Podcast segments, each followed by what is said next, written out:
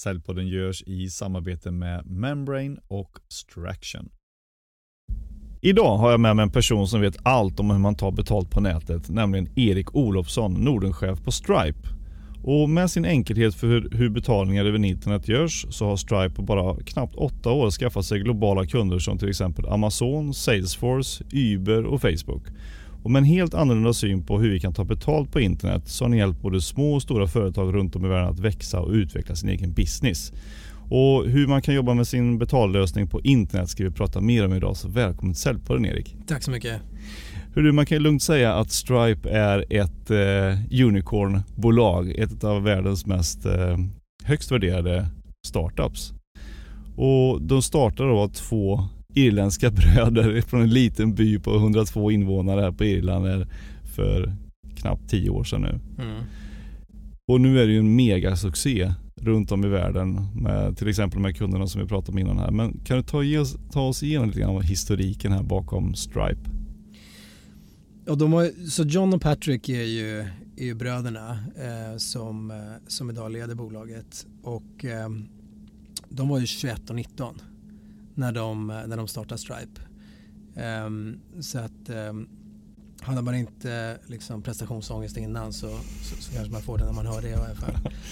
Men de, de hade byggt bolag en del liksom tjänster på nätet tidigare och typiskt då varit i eh, målgruppen eller ett typiskt som, som, bolag som kanske Stripe vänder sig till idag.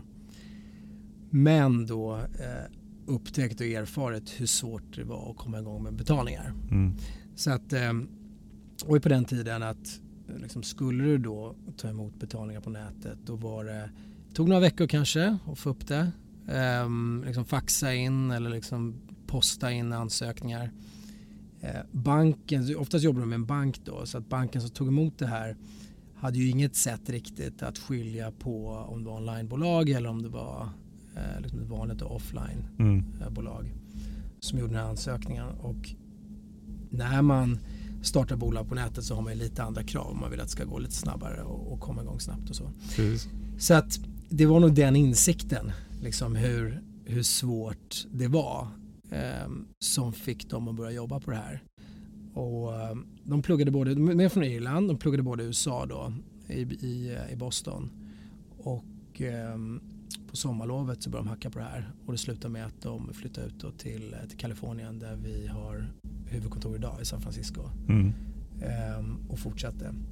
Så det är väl det är väl lite kort liksom hur, eh, hur det drog igång. Mm. Ehm, och idag om man ska liksom fast forward lite, idag är vi 1500 drygt personer och eh, bara för, för något år sedan var vi väl en 700-800, alltså det växer ganska snabbt nu. Mm. Ehm, omkring eh, omkring 100 personer i månaden ungefär växer vi med just nu. Och det som började med liksom San Francisco, huvudkontor där, expanderade efter ett tag till, eh, till Seattle eh, där vi bygger en del produkter. Eh, och sen så till eh, Dublin eh, som är vårt europeiska huvudkontor. Och idag finns vi på runt 15-16. vi har 15-16 kontor runt mm. i världen. Varav då Dublin och eh, Singapore är de stora liksom, internationella mm. eh, hubbarna. Just det. Och så kommer det fortsätta växa gissningsvis då här i, i Norden och norra Europa också under din ledning här? Ja, alltså idag så vi vänder oss då mot, mot handlare på nätet eh, och idag så riktar vi oss mot handlare i jag tror är 26 länder. Mm. Eh, och slutet på året nu så siktar vi på att den siffran ska vara runt 40. Eh, och det som ligger närområdet för oss här nu är ju Östeuropa mm. väldigt mycket. Så Baltikum är vi igång nu med liksom private beta brukar man säga, så att liksom en, enstaka kunder. Mm. Eh, och eh, Polen har vi kommit lite längre och sen så har vi liksom övriga, många av de övriga länderna i, eh, i Östeuropa och även Grekland mm. som vi kommer kicka igång med snart här. Just det. Uppehålla mig lite med de här bröderna först. Ja, gör det. det är ändå en lite intressant historia. Men de, de, de, de eh, kommer från den här lilla byn och sen eh, liksom tio år senare som ett bolag då som sist jag kollade var värt 23 eh, miljarder dollar. Och, och jag tänker att de har ju liksom blivit uppmärksammade runt om i världen för att, att de har varit liksom Sverige, eller världens yngsta billionaires, self-made billionaires och sådär. Men, men hur är de som människor när du träffar dem? Alltså de är, eh, jag tror att man kanske har en bild av eh, såna Silicon Valley liksom founders, att de kanske är ganska excentriska och kanske speciella och svåra att jobba med. Mm. Eh, I varje fall en nidbild. John och Patrick är ju absolut inte så, de är motsatsen skulle jag säga. Eh, och väldigt öppna. De sitter bara liksom att de sitter i öppna kontorslandskap med oss alla andra. Eh, de har inte, de är väldigt, liksom, väldigt lätt att eh, man, man, känner att det är liksom lätt att att prata med dem. Mm. och sen så ska jag säga att de är så sättet som de är på har nog påverkat liksom Stripe-kulturen ganska mycket. Mm. På vad sätt då? Jag tror, vi, jag tror vi är ganska öppna och jag tror att vi är öppna för faktumet kanske att man har fel. Eh, att det finns gängse sätt att göra saker.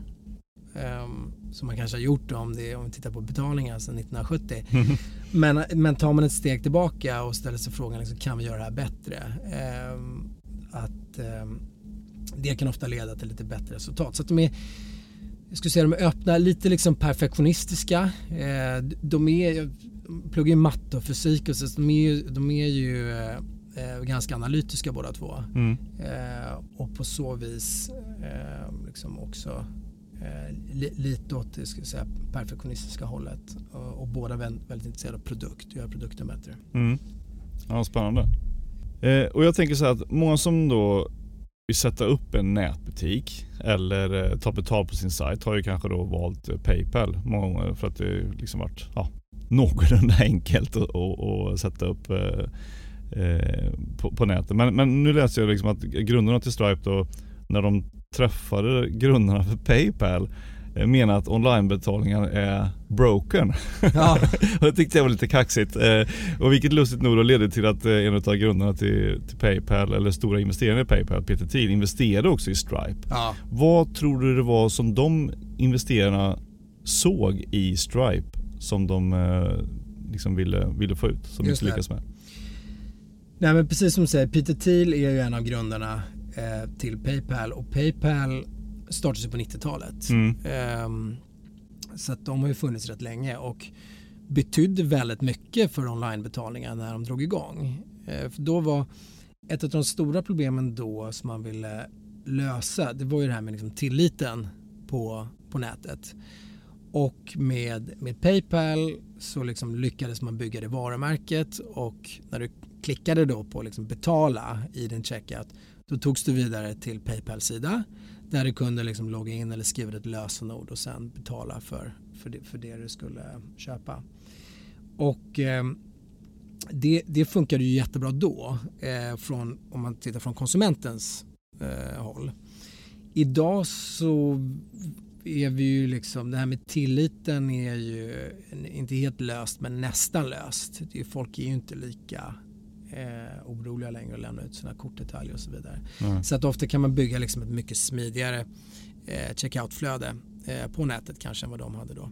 Men tillbaka till din fråga då. Så att det är lite konsumentupplevelse men att de var väldigt starka då och, och eh, men det man ska veta är att med betalningen så handlar det väldigt mycket om handlarna och vad erfarenheten är, för, erfarenheten är för handlarna som sätter upp det här betalsättet. Och eh, eh där hade ju Patrick då och John väldigt många synpunkter på liksom hur krångligt det var. Mm. Eh, så att bo, både det här erfarenheten för konsumenten och sen att det var liksom, eh, svårt och jobbigt att sätta upp. Så att de träffade och det var lite kul för att det här, den här storyn berättade Patrick för några månader sedan eh, för någon som ställde frågan i en av de här Q&A som vi hade om hur det gick till när, eh, när Peter Thiel eh, investerade. Och då hade de åkt dit. Först har det varit ganska många som hade sagt nej. Mm. Eh, så att det här med att man som Silicon Valley-investerare, att det handlar om att ha liksom access till att entreprenörerna kommer till en först. Det gäller ju till viss del, men här var det många som hade liksom fått chansen att investera i Stripe men som hade sagt nej. Och, men då så träffade de Peter Thiel och så satt de i 45 minuter och talade om, eh, om allt som de tyckte var dåligt med Paypal och allt de skulle fixa. Och sen åkte de därifrån och så sa Patrick när han kom tillbaka, fast vi glömde ju fråga om investeringen. Eh, kanske skulle gjort också. Inte bara racka ner på hans bolag. Eh, så de mejlade honom och sa men du eh, eh, det här är rundan och si och så. Eh, vi, vi, glömde lite fråga om det. Eh, varpå han svarade efter typ 10 minuter så absolut ni får era pengar. Mm.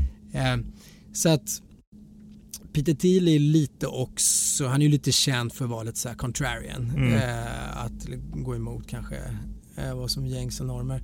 Och också så tror jag att han, han såg på ett problem som var att onlinebetalningar funkar dåligt. Liksom, det han har identifierat. Sen finns det olika sätt att lösa det. Mm. Paypal liksom, de försöker lösa på ett sätt och här är några andra som har kanske en annan approach. Mm. Um, och um, Eh, och då kan det vara intressant om man någonstans håller med om problemformuleringen kan det vara intressant att, att utforska olika delar, att olika sätt att lösa problemet på sen. Mm. Men vad är själva liksom trögheten i onlinebetalningar då? Man tänker, man sätter upp sina butiker och man ska liksom kunna kontrollera att folks, eh, ja men till exempel betalkort eller om man ska betala på faktura och så. Men vad, vad ligger liksom själva trögheten som Stripe då försöker överkomma? Ja, alltså det, det, det, här är en jättestor fråga. Någonstans, fundamentalt kan man säga att, att eh, många av de här betalsystemen idag är byggda för offline från början. Mm. Det är mhm. samma bolag som byggde lösningar för butiker som sen gick in och byggde eh, online-lösningar. Och, eh, eh och då har man inte byggt det för att det ska vara väldigt lätt för utvecklare att Eh, att eh, bygga en, en liksom online-produkt eh, och snabbt kunna ta betalt. Utan då kanske du får din liksom pdf-manual på liksom 273 sidor mm. som uppdateras liksom två gånger om året, mm. mejlad till dig. Eh, och du vet inte riktigt var du ska börja. Medan utvecklare idag eh, liksom har helt andra typer av krav liksom, om de ska bygga en produkt. Mm. Och sen, sen så det är ju det är ju ett som är liksom infrastrukturen, hur du lyckas eh, ta emot betalningar. Eh, att det är byggt mycket för liksom, butik eh, i grunden. Ett annat är ju, alltså titta på kortbetalningar.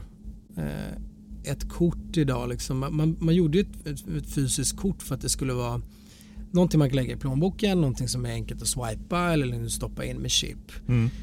Och ehm, Eh, och sen med siffrorna printade om man liksom ska ha det gamla sättet när man liksom drar fram och tillbaka och, och, och kopierar ett kort sådär. Finns det ens kvar? Vet du vad? Jag, eh, var var jag någonstans? I Tyskland eh, och åkte taxi, tror jag. Eh, tar ett kort? Ja, ja, ja. Eh, och när jag kom fram då blev det den Rich Ratch eh, fram och tillbaka faktiskt. Men liv, då, då blir jag livrädd ja. eh, vad de ska göra med den. Men eh, det kom sen. Man, han postade väl in dem där tror jag sen. Och sen så drar banken det ja. någon vecka senare. Ja, eh, men ja, eh, de finns kvar. Men, men däremot tittar man på kortet idag och liksom eh, att man ska använda det för att betala online så är, kan man, man känner direkt att det här är inte gjort för att betala online. 16 siffror, det är ganska lätt. Först är det lite mäckigt att slå in de här, det tar lite lång tid. Och sen så är det ganska lätt att begå bedrägerier om du väl får tag på sånt här. Mm. Eh, så, eh, så att mycket handlar om att förhålla sig till det här. Så när det kommer till, till då kortbetalningar och bedrägerier då lägger vi mycket tid på såna här anti-fraud eh, lösningar. Eh, I och med att vi ser miljontals betalningar liksom runt om i systemet varje dag. Mm så kan man dra slutsatser av det och med maskininlärning säga att okej, okay, eh, liksom, nu följer det här liksom, mönstret och då kan vi skåra det på liksom, 0 till 100 där 100 är, är definitivt bedrägeri så mm. kanske det här är 74 och då får man välja då som, som handlare om man ska acceptera det eller inte. Okay man kan, är, det, är det liksom ett kort utgivet i Sydafrika som används från Brasilien för att köpa en Playstation i liksom Taiwan, ja, men då är det ganska enkelt att säga så här, men det här det är någonting skumt med det här. Det. Men så finns det mer kanske borderline case som, mm. som inte är lika lätt att identifiera. Mm. Och det är en grej med, med bankkorten som är liksom själva trögheten, att få dem eh, verifierade kan man säga. Ja, eller ju, just att det eh, det kan ju, alltså det är ju lite eh, det är ju lite meck, det är ju inte liksom one click att skriva in sitt bankkortsnummer. Nej. Eh, ofta kan du få det till det att du gör, gör det en gång hos en handlare och sen så sparar de det och så kan du gå in liksom eh, eh, igen efter det och så behöver du inte göra det en gång till. Nej. Och det är väl rätt okej. Eh, men sen så kommer det ju då eh, lösningar som kanske bygger på kort i grunden som till exempel Apple Pay Ja. där du har liksom ditt kort inlagt någonstans och du använder det här nätverket som Visa och Mastercard har byggt upp med tiotusentals banker. Du använder det liksom meddelandesystemet som det i grunden är. Eh, liksom Visas nätverk. För att kolla då med Ja, hej Mattias, nu använder du ett SEB-kort här. Jag måste ju någonstans få reda på, jag måste någonstans få svaret från SEB om du har pengar på det här kontot. Mm. Och det är det som visar nätverket är. Att du skickar en förfrågan och så får du svaret att ja, han har pengar och så, så reserverar man det på kontot. Ja, okej. Så att det är väl eh, det är väl en del av trögheten och sen så så det, eh, det är ganska mycket eh, som kommer hända nu i år i Europa som kommer göra att trögheten liksom förvärras på ett sätt ytterligare och det här har att göra med eh, bedrägerier igen. Så att i, I september i år, eh, det här är EU, då kommer en ny lag. Eller det är inom direktivet som heter PSD2, Mm. eh, Payment Services Directive. Och eh, vad det i princip innebär, eh, om man ska titta på det i praktiken, är att alla onlinebetalningar där du har ett europeiskt kort, alltså ett kort från en europeisk bank och du betalar till en europeisk handlare eh, de, kom, de i princip behöver gå igenom 3DS som det kallas. Så det är det här, du skriver in ditt kortnummer och så trycker du betala men istället för att det står eh, nu är allting klart så kommer du till ytterligare en sajt som eh, Visa till exempel har Verify by Visa Ja, och så ska du skriva in ditt eh, liksom lösenord som du har glömt bort Ja, eh, för att den här betalningen ska gå igenom. just det. Och det kallas för 3DS eller 3D Secure. Just det. Eh, och det här kommer då bli eh, obligatoriskt att använda eh, med ett gäng undantag. Så att om du har eh, liksom belopp under ett visst antal, ja, men då, då kan det här undantas. Men Mhm. var femte gång så kommer du behöva skriva in ditt lösenord. Lite som de här blipp-grejerna på, på Visakortet. Att det är under 200 spänn så kan man bara hålla det emot. Ja, liksom. lite, ja men tänk det, men liksom den femte gången du kommer in och använder ditt kort någonstans, ja men då måste du skriva in din PIN-kod. Mm. Ehm, Ett annat undantag är till exempel betalningar som du inte initierar själv som kund. Så det är en liten fin gräns där att om du sitter och har liksom köpt en, lagt en del produkter i din varukorg och sen så trycker du betala Mm. då räknas det som att du initierar det själv. Mm. Eh, och då kommer du behöva göra det här 3DS.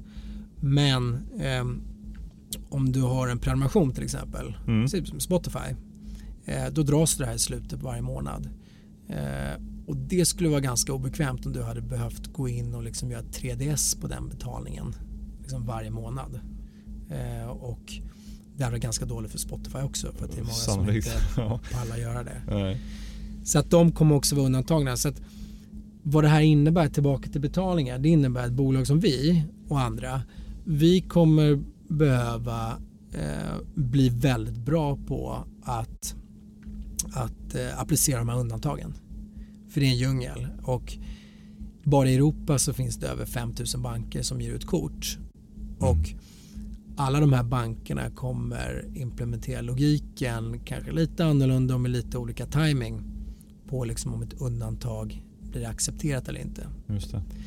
Ehm, så att ehm, så tillbaka till liksom ursprungsfrågan som var lite trögheten. I var det ligger trögheten?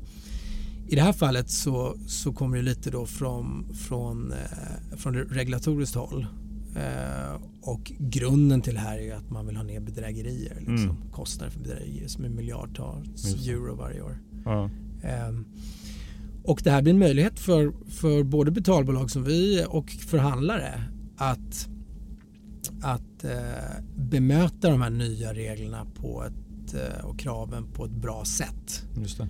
Eh, så att man inte gör bort sig helt. Liksom. Eh, I som är ganska intressant, i Indien så gjorde man en liknande lagstiftning. De var inte lika, de hade inte undantag och sådär, de körde lite mer pang på. Mm. Eh, det här var för fyra år sedan. Då sa de över, över en natt så, eh, så inför de då 3DS eh, krav för alla betalningar online med debitkort, alltså sådana här, inte kreditkort utan sådana som är kopplade Fyllda direkt till ett konto. Ja, och eh, då över natten såg de konverteringen gå ner med 25 procent.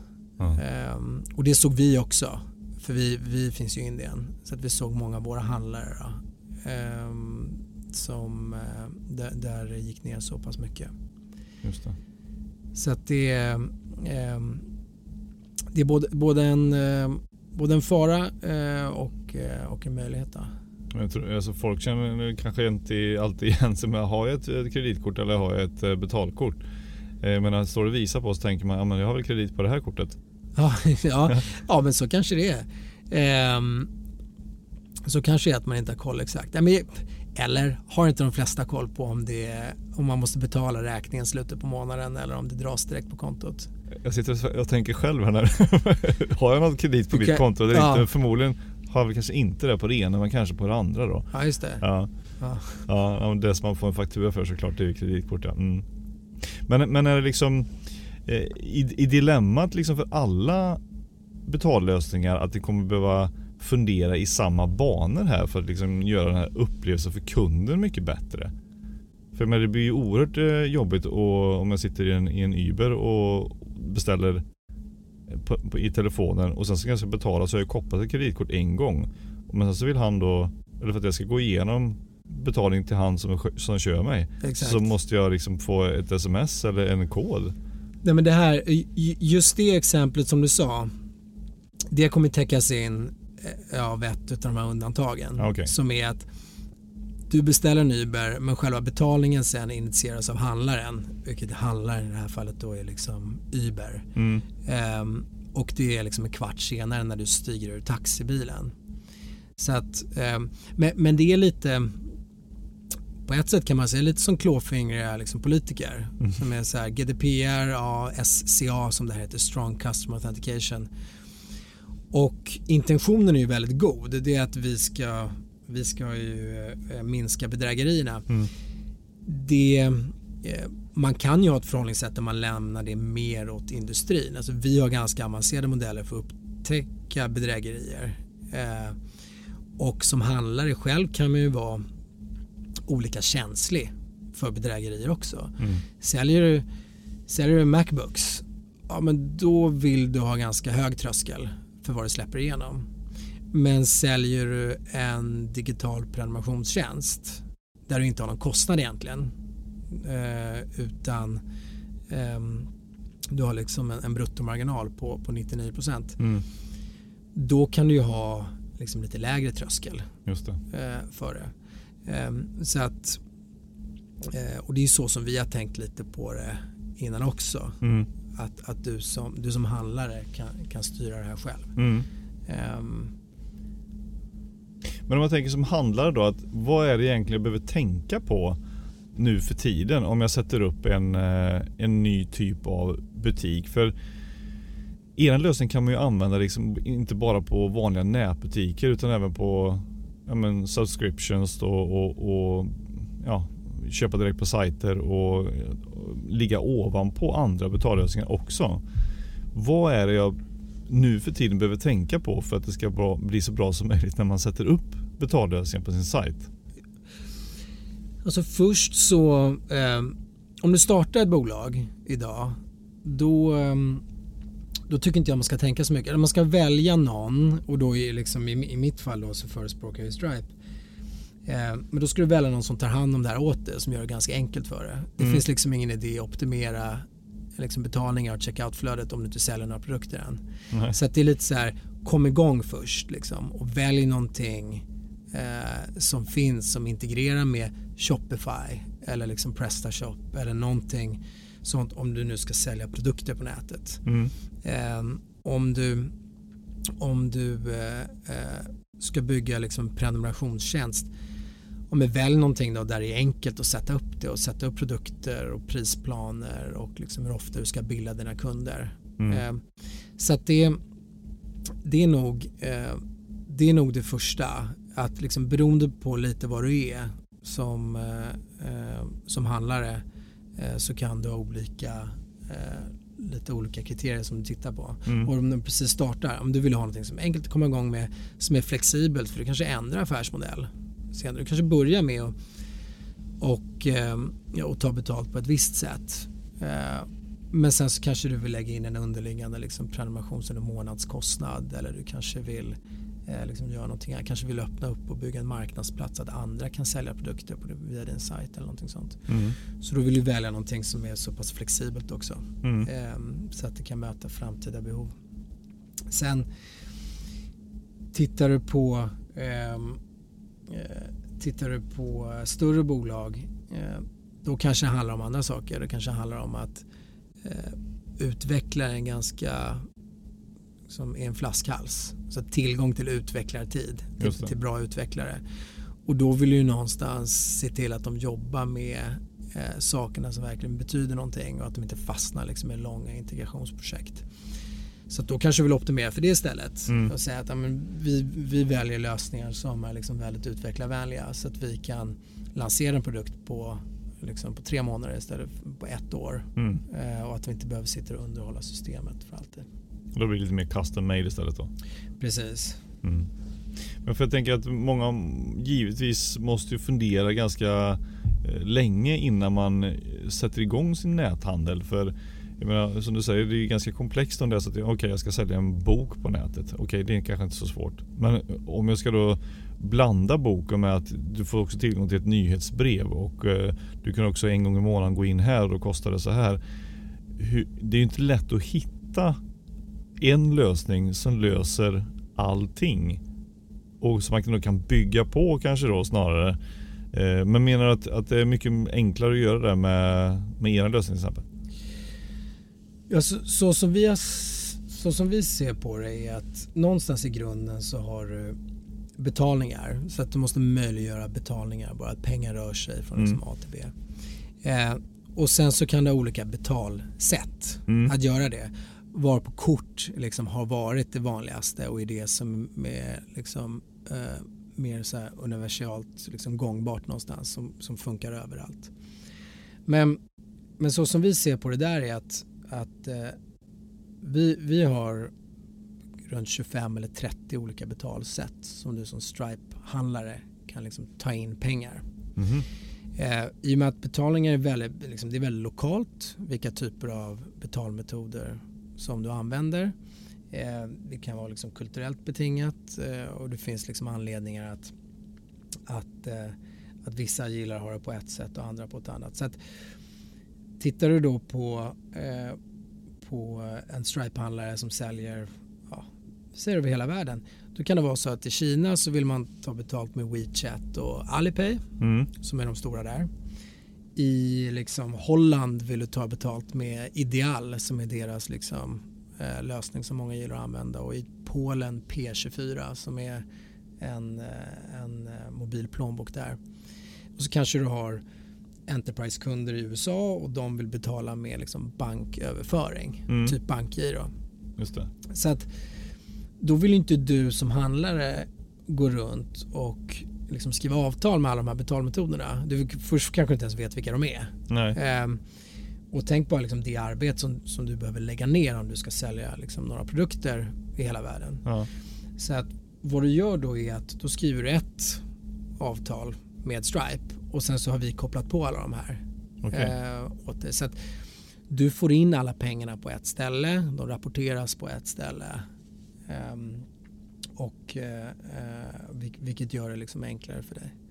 Så att det, det är någonstans här det fundamentala lagret som är liksom betallagret och sen så ovanpå det så eh, har vi byggt in, liksom, applikationer för att göra det enklare beroende på vilken affärsmodell du har. Mm. Så tänk att liksom grundlagret är lite så operativsystemet nästan, det är så Windows. Okay. Eh, och sen så har du Office-paketet ovanpå beroende på vad, vad du vill göra lite grann. Ja.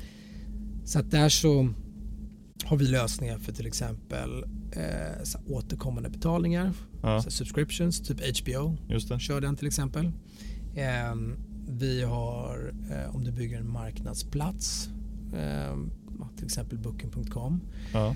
Eller om man ska ta liksom svenska eh, svenska exempel, typ TipTap, jag vet inte om du känner till det, men det är liksom en app där du kan fotografera prylar som du vill att någon ska komma och hämta åt dig. Just det. Mm. Och det är ju en slags marknadsplats också för tjänster. Precis. Ehm, så att, och då finns det då eh, en applikation som vi har för att göra det enklare. Så jag tror att liksom, eh, något som man har liksom baslagret där man pluggar in till alla olika finansiella system runt om i världen för att kunna ta emot pengarna. Ja. Och sen ovanpå det så har du då liksom mer affärsapplikationerna som gör det enklare för dig och, eh, att bygga någonting för din, för din verksamhet.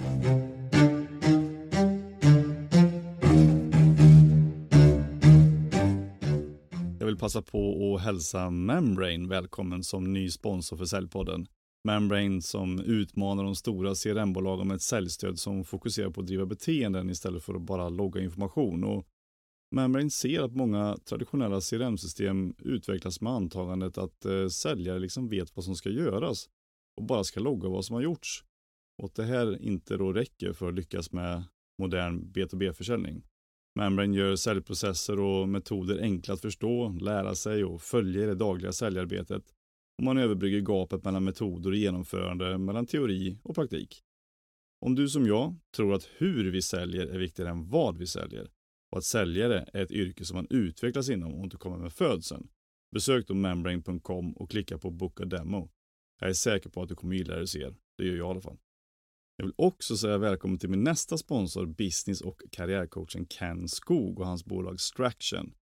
Jag är oerhört glad att Ken sponsrar det här avsnittet och kan verkligen rekommendera att anlita honom både för att komma vidare i karriären eller om du kört fast i din business eller ja, en ledarroll på arbetet kanske. Hans sätt att arbeta har hjälpt mig vid flera tillfällen och han har löst upp jättemånga knutar hos mig och hjälpt mig att staka ut en strategi att action på. Så att är du ägare, vd eller chef och vill få hjälp av en business, ledarskaps och karriärcoach för att komma vidare och driva en förändring på ditt jobb, hör av dig till Ken Skog på straction.se.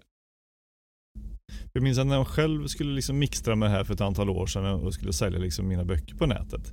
Då försökte jag med, med att läsa mig till hur jag skulle göra. Ja. Och då, då fanns det olika begrepp hela tiden. Någon som skulle vara gateway och någon som skulle vara host eh, och någon som skulle vara liksom, eh, vad heter det mer, alltså själva betalgrejen. Ja. Så då, fattar man inte riktigt hur man skulle sätta ihop det här för att det skulle liksom lira med varandra. Nej. Vad är liksom de olika begreppen som man behöver känna till i det här då? Ja, alltså inga egentligen. Eh, eller det är så här, det är lite som förr i tiden om du skulle, eh, då hade du så här servrar Mm. kanske, liksom stående någonstans på ditt företag. Det har ju folk fortfarande idag. Mm. Men, men idag finns det hostingtjänster eh, som, är, eh, som är rätt mycket enklare för många att använda. Och då kanske du inte behöver veta att det finns någonting som heter UPS tror jag som är liksom om servern går ner så är det ett extra batteri. Du behöver inte köpa en sån. Nej. Liksom. Du behöver bara prenumerera på AWS. Ja. Så att, och det är väl lite samma med betalning att förut fanns det alla de här begreppen. Men, eh, men så som vi ser det så att vi abstraherar bort den komplexiteten och säger bara så här, öppna ett konto hos, hos oss Mm. och säg vilket liksom, bankkonto du vill ha pengarna insatta på. Mm. Och sen är det klart, så du behöver inte fundera över liksom, de här olika begreppen. Ja, det Men-. Men det är ju en utveckling för att det här eh, igen då kommer från offline-världen. Det kom kanske från en så här bankinfrastruktur byggd på 70-talet och så här kanske man inte har gjort så mycket sedan dess. Nej.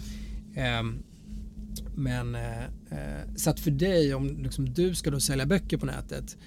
Först så eh, skulle du nog inte egentligen integrera Stripe liksom själv för du tror att det är liksom utvecklare.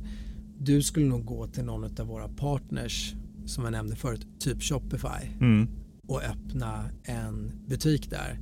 Och så har du en lista på olika, ehm, olika liksom betalleverantörer som du kan välja.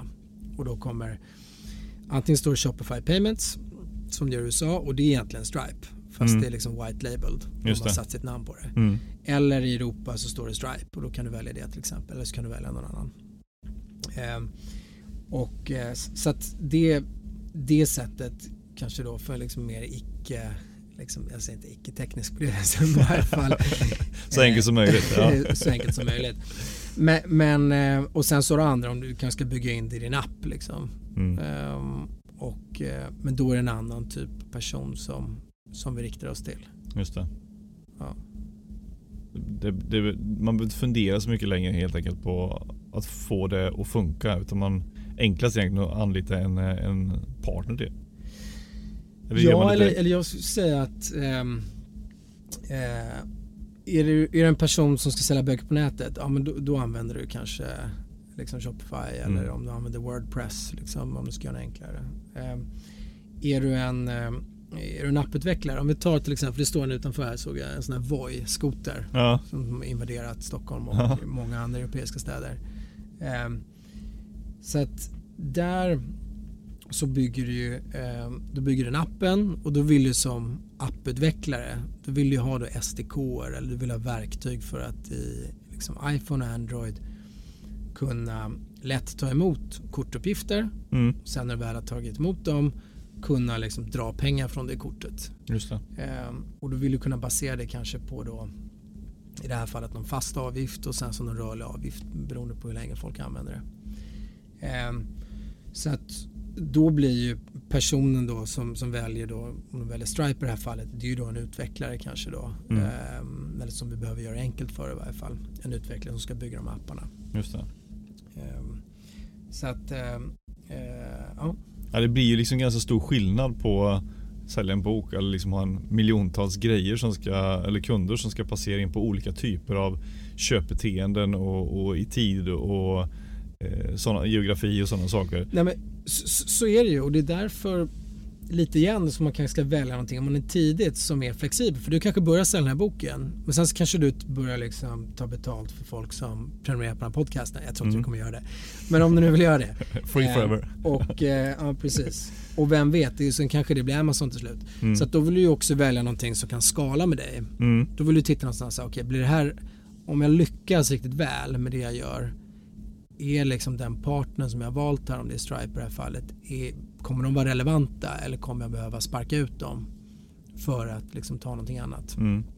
Ehm, och i det fallet så, så, så, så att vi, vi har lite över en miljon företagskunder nu globalt och det, det, det liksom spannet där är ju du som säljer en bok eller förhoppningsvis många böcker på nätet till liksom Amazon Mm. eh, eller Salesforce eller Facebook eller Google eh, eller Uber som, som använder Stripe. Ja, Så att då vill du ha någonting som är enkelt från början men som du sen kan växa med. precis. Jag fattar. Jag För ni gjorde ju en ganska stor undersökning här, bara som kom ut i början på det här året. Om ehm, eh, bland 100 av Sveriges populäraste nätbutiker. Och så visade det att ganska många av dem hade ju ganska många allvarliga fel i sina kasser. Och vad säger det egentligen om de betallösningar som finns på marknaden om det är så grava fel som 95% av de här hade? Precis, så att undersökningen vi gjorde var eh, titta på de 100 största e-handlarna i Sverige eh, och sen fokuserade igen då, i och med att det är betalningar vi pratar om fokuserade vi på liksom checkouten Mm. eh, där, man, där man fyller sina betaluppgifter. Och sen så eh, tittade vi på ett gäng olika parametrar, jag tror det var 10 stycken. Och det kan vara, eh, det blir ganska mycket detalj, det kan vara allt från liksom när du har skrivit in ditt kortnummer, alltså inte när du tryckt betala utan bara när du har skrivit in kortnumret, får du direkt feedback på då om det här är ett kort som existerar eller inte existerar? Nej Så- det får man väl inte. Jo, jo, men det kan man få. Ja, man får det, ja. ja, men det, Okej. ja, men om man, om man, eh, om man har valt någon, eh, en liksom betalpartner som, som visar det eller om man har implementerat det på rätt sätt så Ja. kan du få det. Så kan du ge konsumenten det feedbacken att säga, Ja. jo men det här stämmer, det är ett Visakort. Eh, man kan efter någon har skrivit in de två första eller tre första siffrorna kan man direkt visa sig, ja men det här är ett Visakort eller Ja, det. Mastercard. Mm. Och sen kan man säga att det här existerar. Och sen kan det vara basic grejer som så här. Okej, skriv in att giltighetstiden är liksom till och med 2016. Ehm, och, så går f- och så säger den ingenting. Eh, då är det ganska, det är ganska slarvigt. Mm. Eh, I och med att det är 2019 just nu. Just. Så att vid den typen av, av kollar Mm. eh, som, eh, som vi gjorde. Och där är ju, ingen får ju full pott liksom. Jag tror att den någon hade kanske 9 av 10 eller någonting sånt. Ja. Så att majoriteten har ju eh, liksom brister då där de, där de kan, kan förbättra det ganska, ganska avsevärt. Ja. Så din fråga då, vad säger det om det? Ja, men det, det säger ju att, att eh, många inte har gjort det här på rätt sätt. Eh, antingen att man har valt en partner kanske som man, kanske som man sitter fast med, har suttit med länge, eh, som inte hängt med. Mm. Eh, eller att man kanske har freestylat och bygga det här själv liksom, Mm. eh, på något sätt. Så att eh, sammanfattningsvis liksom, det finns väl liksom stora möjligheter att förbättra sig. Eh, så att även bland de här största bolagen som man tänker bör ha koll Mm. eh, så kan i princip alla eh, förbättra sig på de här punkterna. Mm. Finns lite utvecklingspotential förstås. Hoppas det. Eh, För jag tänker själv att, att när man själv liksom handlar eller kanske snarare inte handlar i en nätbutik så är det just man själv tycker att men, kassan är trög eller länkar konstigt eller är liksom svår översiktlig eller kanske inte autogenererar någon text och sådär. Men har du en uppfattning om hur stora delar av de sakerna som man lägger i sin varukorg i de här nätbutikerna som det inte blir någon affär av? Nej, men, för, först ska jag säga att jag håller med. Liksom att, det, eh, att ibland så orkar man inte bara. Liksom. Man, eh, man har lagt allting och så har man försökt en eller två gånger så är det så här, jag får något felmeddelande, jag förstår ingenting. Mm. Och sen så avslutar man liksom köpet då. Eller eh, inte avslutar om man säger så. Så att, så att jag håller med dig där. Så då kan man ju tänka på liksom, vad är igen så här, vad är anledningarna till att de här finns, de här dåliga upplevelserna. Mm. Eh, och det är lite tillbaka till det jag sa tidigare att först så eh, först så eh, har de liksom, leverantörerna man har använt eh, kanske här i Sverige det är de som har börjat med att serva butikssegmenten och sen så har man tagit fram online-lösningar och så har byggt in sig i dem och så kanske man inte har uppdaterat dem ganska länge. Nej. Så att då sitter man, man är lite utelämnad till liksom den funktionaliteten som de lanserar. Ja, men det är den man kommer sitta med själv. Ja. Om man har i slutet att, att eh, gå till betalningar och så kommer man till en helt ny sida som är så här, oh, vem är det här? Här är någon betalleverantör. Här är deras sida. Och så ska jag skriva in det här. Så känns det liksom att man har lämnat man har lämnat den plats som man var på innan. Då är det är ju inte en bra, det är inte en bra upplevelse. Nej. Så att det kan det är ju, eh, det är ju en stor, stor anledning eh, att, att det ser ut så helt enkelt. Man kanske sitter fast i någonting och har suttit där länge. Mm. Man har en uppfattning liksom hur, hur finns studier på hur vanligt det här är att folk liksom gör dropout från sina checkout? Ja men det, jo, men just det, och det var ju din fråga faktiskt. Eh, alltså tillbaka till, eh, tillbaka till mitt exempel med Indien som Mm. jag pratade om. Så att där du över natten när du introducerade liksom 3DS så fick du liksom lite mer tröghet och då fick du 25% lägre konvertering. Mm. Så att det är ju liksom det är en siffra på eh, liksom vad det kan eh, eh, hu- hur det kan slå. En annan är ju och det, det är eh, en stund, jag kommer inte ihåg exakt siffrorna men liksom hur ett par extra sekunder bara så hur lång tid det tar för dig att göra det här liksom efter att du har betala också. Mm. Eh, hur det kan slå 10-20% på din konvertering. Så var tionde skiter i det bara för att tar ett par sekunder extra och gör Ja, men, ja absolut, så kan Ja. det vara. Absolut. Och du kan nästan se det omvänt. Det är ett enkelt sätt att se det. Att med, med Apple Pay nu. Så Apple Pay det är inte lika vanligt i Sverige för det finns inte, jag tror att det bara är Nordea idag som stöder det. Och Klarna förresten. Okej. Eh, med Klarnas kort. Och eh, så Apple Pay att du kommer till din checkout och så istället för att fylla i kortuppgifterna och så vidare så trycker du bara betala med Apple Pay på en knapp som liksom känner igen att du har, eh, du har eh, Apple Pay inlagt på din telefon. Mm. Och så betalar du bara med, med tummen, Mm. tumavtryck. Eh, där har man ju sett, det här är studier som Apple har släppt då. Eh, så att, eh, de, men, men om man ska tro dem så ser de upp till 200% då högre eh, konvertering och eh, att de halverar ungefär tiden i checkouten. Mm. Eh, så att det finns ju, det betyder jättemycket Mm. Eh, just att du ser till att ett, du har rätt betalmetoder. Du har Alipay om du säljer till, till, till någon från Kina. Mm. Eh, och det andra är ju att det är smidigt, att det går snabbt. Precis. Och det är klart att man är mer kräsen ja, men i sin det, upplevelse. Men så, så är det absolut. Och igen så här, nu har vi gjort många, och vi liksom pratat lite om offline eller butiksvärlden. Men du kommer inte, du kommer inte lämna en butik. Alltså om du står där en minut i kassan och det tar en minut extra, vissa kanske gör det, jag vet inte. Men, men eh, du kommer inte så här vrede, typ så här springa ut i butiken och aldrig mer komma tillbaka. Förmodligen inte. Nej.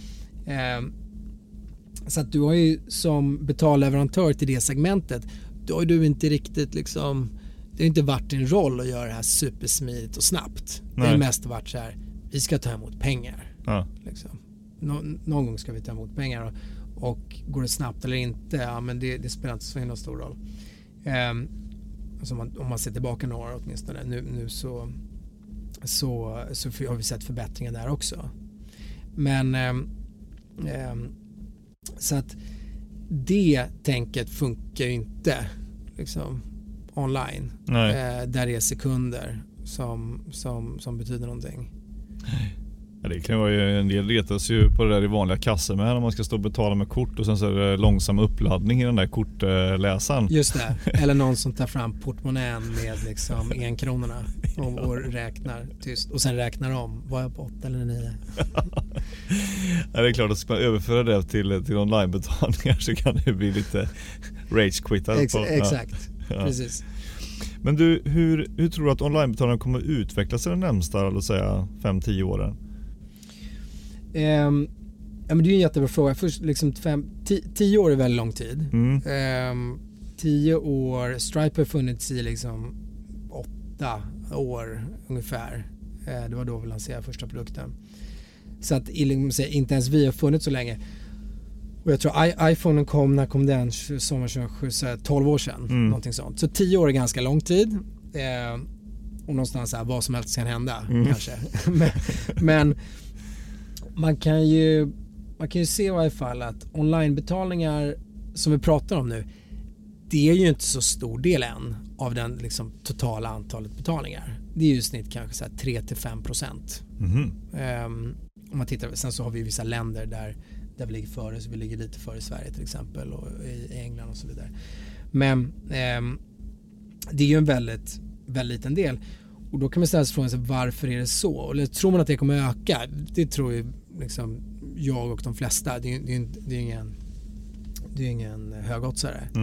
Eh, men kommer det bli 20% eller kommer det bli 60% eller liksom 90%? Jag tror att det, det kanske är lite svårare att veta. Men, men då kan man vända på det och säga så här, men vad krävs då för att vi ska komma dit? Mm. Och då kan man titta på många olika områden, varav ett då är betalningar. Mm. Så att det krävs ju först eh, att det ska bli smidigare för konsumenten igen. Så här ett klick liksom. Mm. Eller om det nu är ansiktsigenkänning. Så att du liksom... ehm, ehm, så att det går mer och mer mot att det ska vara sömlöst. Ehm, och så det är ett. Sen så för att komma dit någonstans så måste du ha bättre, vi brukar säga liksom bättre tooling för utvecklare. Du måste ju ha eh, system som utvecklare kan implementera och Mm. sätta på plats. Eh, och där de kan sälja. Vi säljer ju mer och mer globalt nu. Liksom, tittar man på liksom, startups i Sverige så är ju hälften är globala från dag ett. Så att då måste du kunna erbjuda dina produkter till, liksom, globalt. Eh, och då igen, då handlar det betalningar om att, eh, att se till att de här lokala betalmetoderna, att det är någonting, även fast du är svenskt bolag och ganska litet bolag, att du har möjlighet att erbjuda dem. Mm. Och igen där, tittar man på betalmetoder då kanske man har trott att det, att det kommer harmoniseras. Att det kommer, men det kommer vara ett sätt som alla betalar i slutet för Mm. det är liksom det bästa. Eh, men så är det ju inte för att det finns olika sätt det är bra att betala på liksom, olika tillfällen. Och tittar vi på liksom, faktiska utvecklingen nu, men då har ju liksom, alla länder brukar börja få sitt eget swish. Liksom. Ja. Ehm, och sen så kommer ju nu de olika liksom, telefon, ehm, telefonbolagen då, med sina betallösningar. Mm. och som är open banking nu när, när bankerna tvingas öppna upp i Europa och ge direkt access till konton och så vidare. Ja, men då kan man ge sig fasken på att det kommer komma nya sätt där också. Så att du har en, du har mycket mer fragmenterad och komplex eh, bild eller situation när det kommer till olika betalsätt. Mm. Så det kommer också ställa krav då på, eh, på, på infrastrukturbolag eh, som Ja. Stripe är. Ja. Eh, att kunna erbjuda alla de här. Sen som ska ta någon grej till då, ska tre saker, man ska ta tre saker. Eh, så är med butiksbetalningar och onlinebetalningar. Mm. Att, att du liksom får ihop dem mycket mer, mycket bättre. Unified commerce brukar man prata lite om där. Och det är ju igen framförallt på handlarsidan. Alltså om jag träffar dig som konsument både online och offline då vill jag ha en bild av dig och jag vill få fram den bilden ganska enkelt. Just Inte att du har två olika system och så kör jag batchjobb varje liksom, natt för att någonstans försöka synka ihop den här datan. Nej. Och där, vi lanserade i somras, den finns ju bara i USA nu, men, men där lanserade vi ju butiksbetalningar. Eh, så där har du typ att du kan gå in nu på, en, bland annat en, eh, ett bolag som bygger mjukvara för gym eller så yogastudios. Mm. Då kan du gå in på en yogastudio, betala eh, i terminalen genom att stoppa in ditt kort och så kan du även starta ditt liksom, månadsabonnemang där i den terminalen och så Mhm. läggs det upp liksom, i din app och så ligger det där och tickar.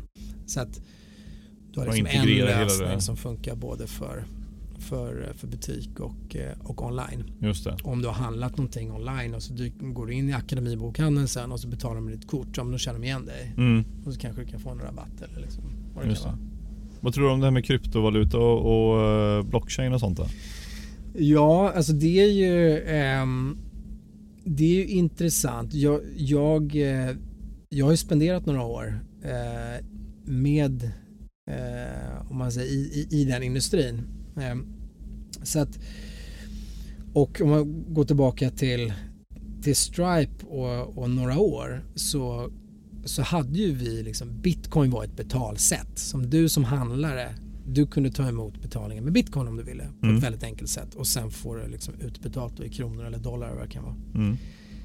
Vi har inte det längre och den största anledningen där var att vi såg inte så stor efterfrågan på det.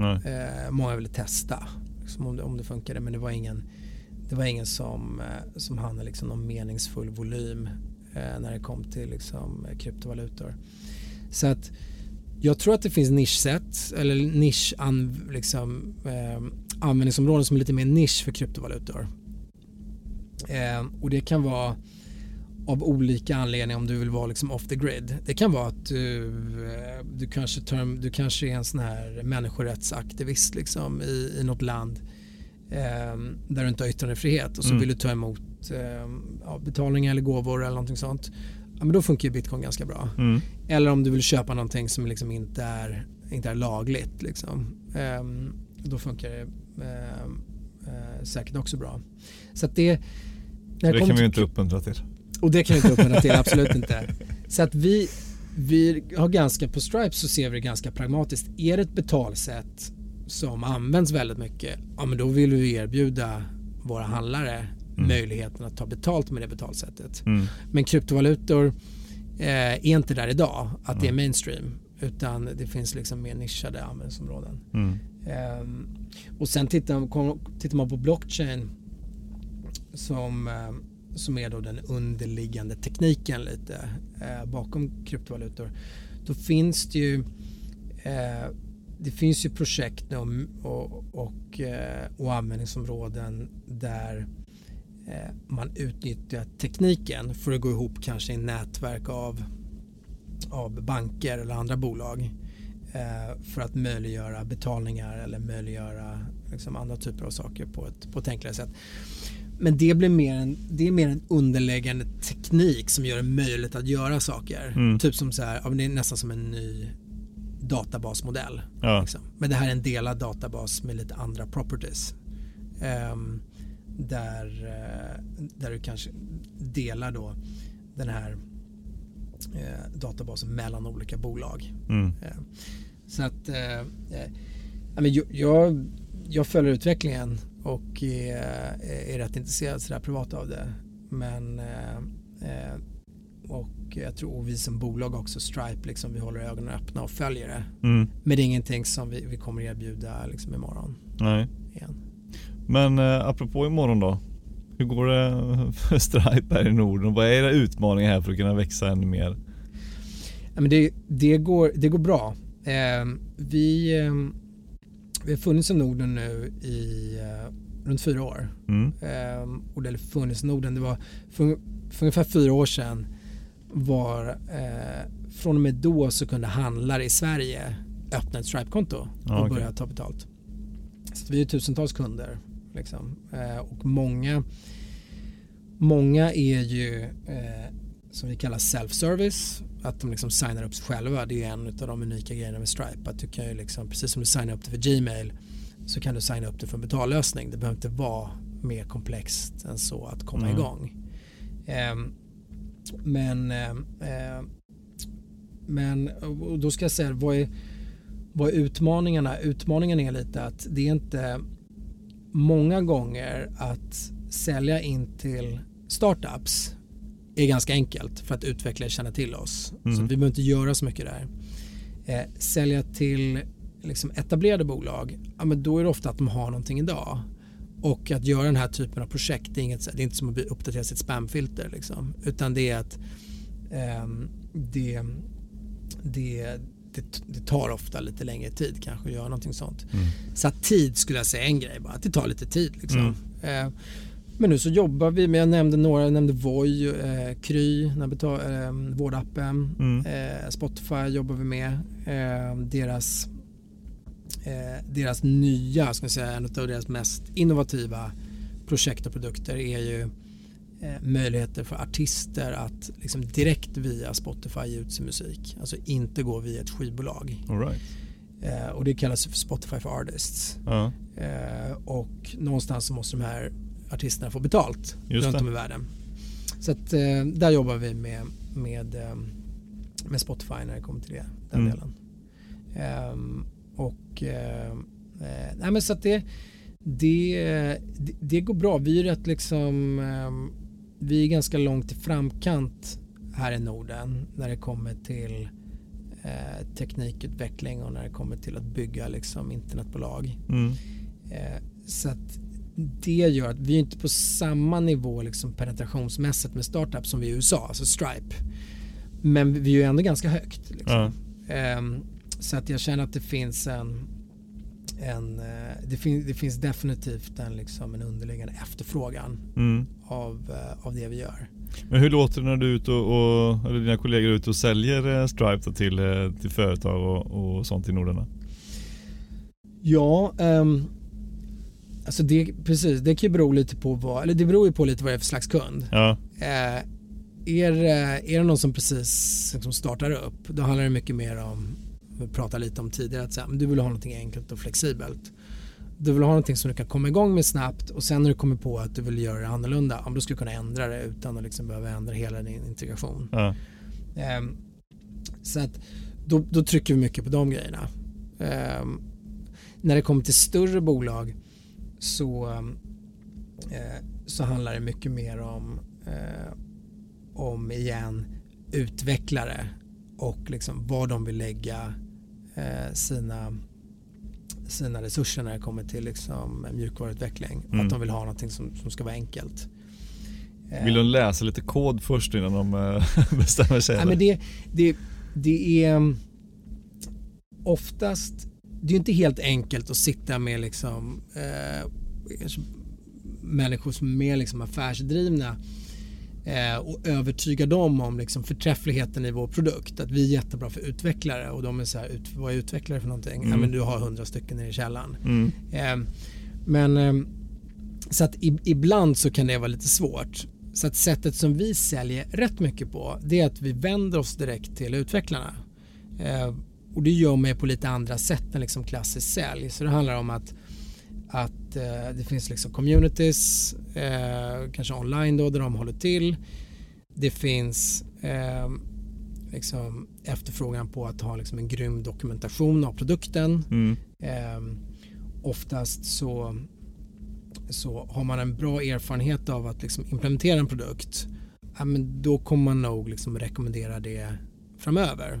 Eh, för att du som utvecklare vill inte liksom bygga någonting som är buggigt och som du behöver gå tillbaka till. Nej.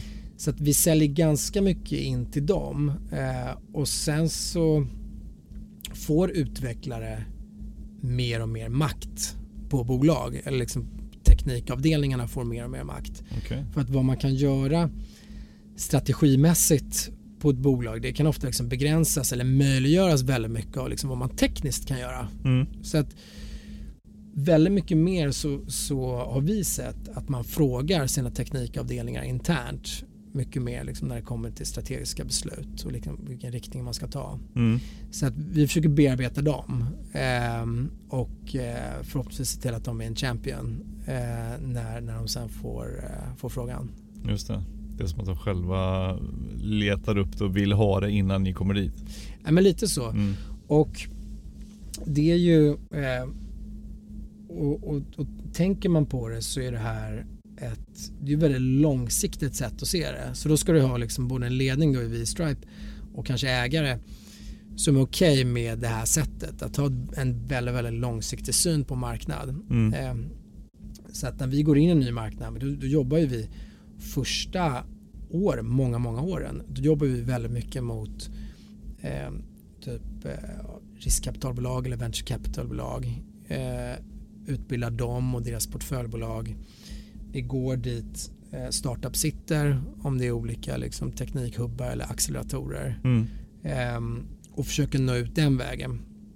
Så att först tar det ett tag att bygga upp det.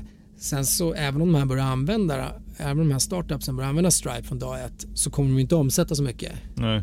Liksom. För sen tar det ytterligare kanske år innan de blir, blir stora. Just det. Eh, men eh, det är, eh, har man tiden eh, så bygger man en väldigt försvarbar position eh, genom det tillvägagångssättet. Mm. Ja, intressant. Alla säljer på sina olika sätt. Ja, det är väl så. Ja.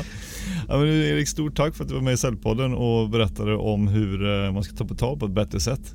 Och att vi fick lära oss lite mer om hur Stripes lösningar fungerar. Ja, men jag hoppas det. Tack så mycket. Ja, tack snälla.